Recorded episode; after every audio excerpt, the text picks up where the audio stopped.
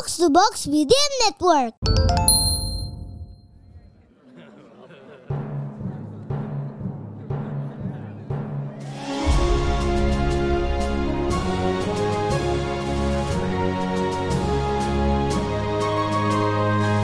Perhatian, perhatian. Dongeng Paman Geri akan segera dimulai. Semua anak dipersilahkan untuk berkumpul.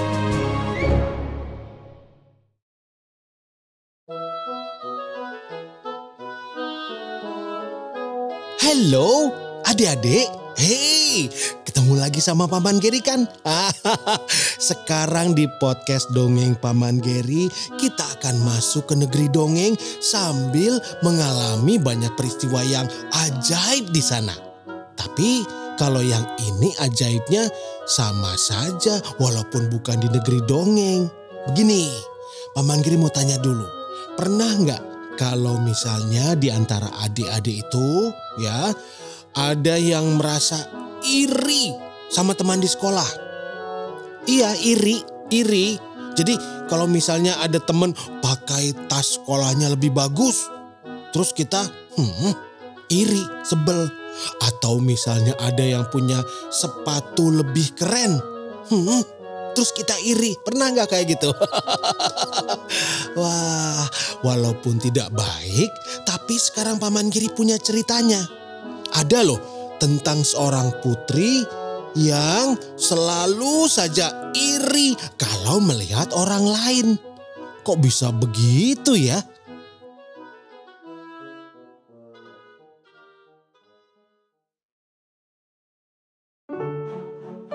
Di sebuah kerajaan yang besar di negeri dongeng, di sana hiduplah seorang putri raja yang cantik bernama Putri Revna. Ia adalah putri semata wayang alias putri satu-satunya. Wah, Putri Revna itu tahu nggak adik-adik sangat dimanja oleh raja dan permaisuri. Pokoknya apa pun yang dia minta pasti dituruti. Cuma anehnya, walaupun sudah dimanja begitu, Putri Revna tetap sering cemberut. Hmm, kenapa ya kira-kira ya? Apa dia kesepian? Atau mungkin lagi sedih?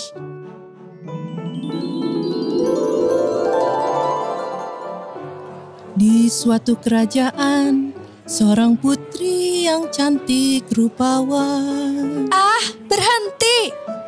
Kenapa putriku sayang? Penyanyi itu kan baru saja mulai menyanyi. Kau tak suka suaranya? Suaranya terlalu bagus, sedangkan suaraku jelek. Aku kesal kalau ada suara yang lebih bagus daripada suaraku. Kesal, kesal.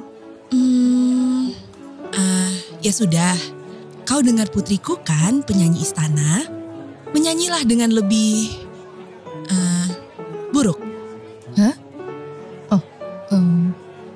Di suatu kerajaan, putri yang cantik rupawan. rupawan. Nah, begitu lebih baik. Tapi rambut biduan itu bagus sekali, lurus dan panjang. Sedangkan rambutku ikal kusut begini. Uh, aku mau ke kamar saja.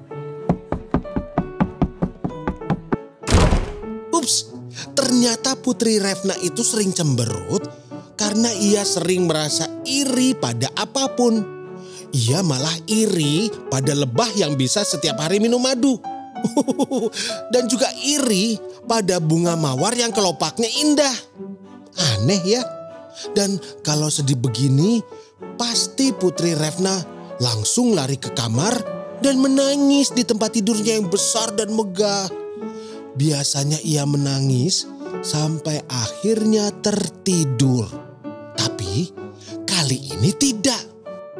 Ketika Putri Revna sedang menangis keras-keras, tiba-tiba ada suara berdengung seperti lebah. Putri Revna mengangkat kepalanya dan melihat ke sekitar. Ya ampun, apa itu yang berdiri di meja samping tempat tidurnya? Oh, ada makhluk kecil dengan sayap kupu-kupu. Wah, cantik sekali. Hai Putri Revna, aku Petra si peri. Ikut aku yuk. Aku akan membawamu ke tempat istimewa. Di sana kau tak akan iri lagi. Pergi. Tapi ke mana kau akan membawaku? Apakah aman? Percaya padaku. Sekarang aku akan menaburkan serbuk ajaib ini padamu. Kau akan jadi kecil dan ringan seperti aku. Lalu kita akan terbang keluar dari istana ini. Maka dalam seketika, Putri Revna berubah menjadi sekecil si peri. Wah, mereka pun lalu terbang keluar lewat jendela kamar Putri Revna.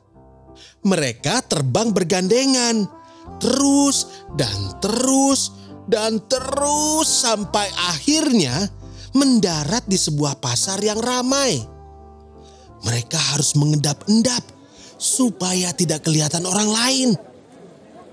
Putri Revna bertanya-tanya dalam hati. Kenapa ya ia dibawa ke tempat ramai dan kumuh seperti ini?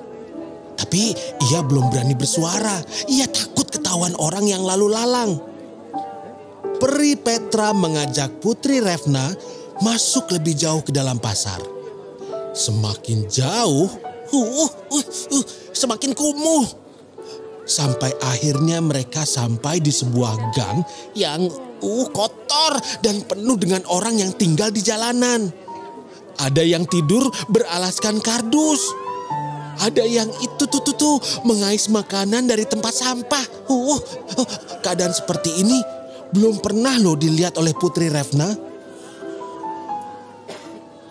Nah, inilah tempat istimewa yang kubilang tadi. Di sini semua serba kekurangan. Jadi kau tak akan merasa iri pada siapa pun. Bagaimana? Kau suka? Orang-orang ini mereka kelaparan. Tempat ini pasti penuh penyakit. Lalu bagaimana kalau hujan? Mereka pasti kedinginan. Peri Petra, antarkan aku kembali ke istana. Aku harus melakukan sesuatu. Pri Petra menyembunyikan senyum. Lalu mengangguk. Segera ia antarkan Putri Revna kembali ke istana. Sesampainya di sana, Putri Revna melaporkan semua yang ia lihat pada Raja dan Permaisuri.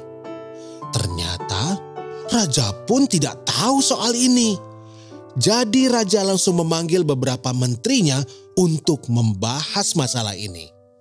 Sementara ayahnya mengadakan rapat besar, sore itu juga Putri Revna mendatangi kembali pasar itu. Ia membawa baju-baju hangat dari lemari bajunya sendiri, setumpuk selimut, dan banyak makanan dari dapur istana. Para tunawisma bergembira menerima bantuan dari putri raja yang baik hati itu. Wah, putri Revna sepertinya sudah berubah adik-adik. Sejak saat itu, putri Revna tak lagi suka cemberut.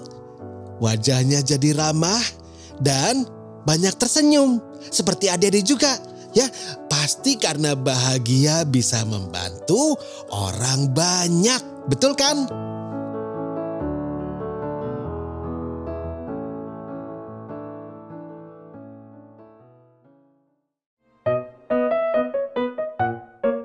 Yeay, dongengnya sudah selesai.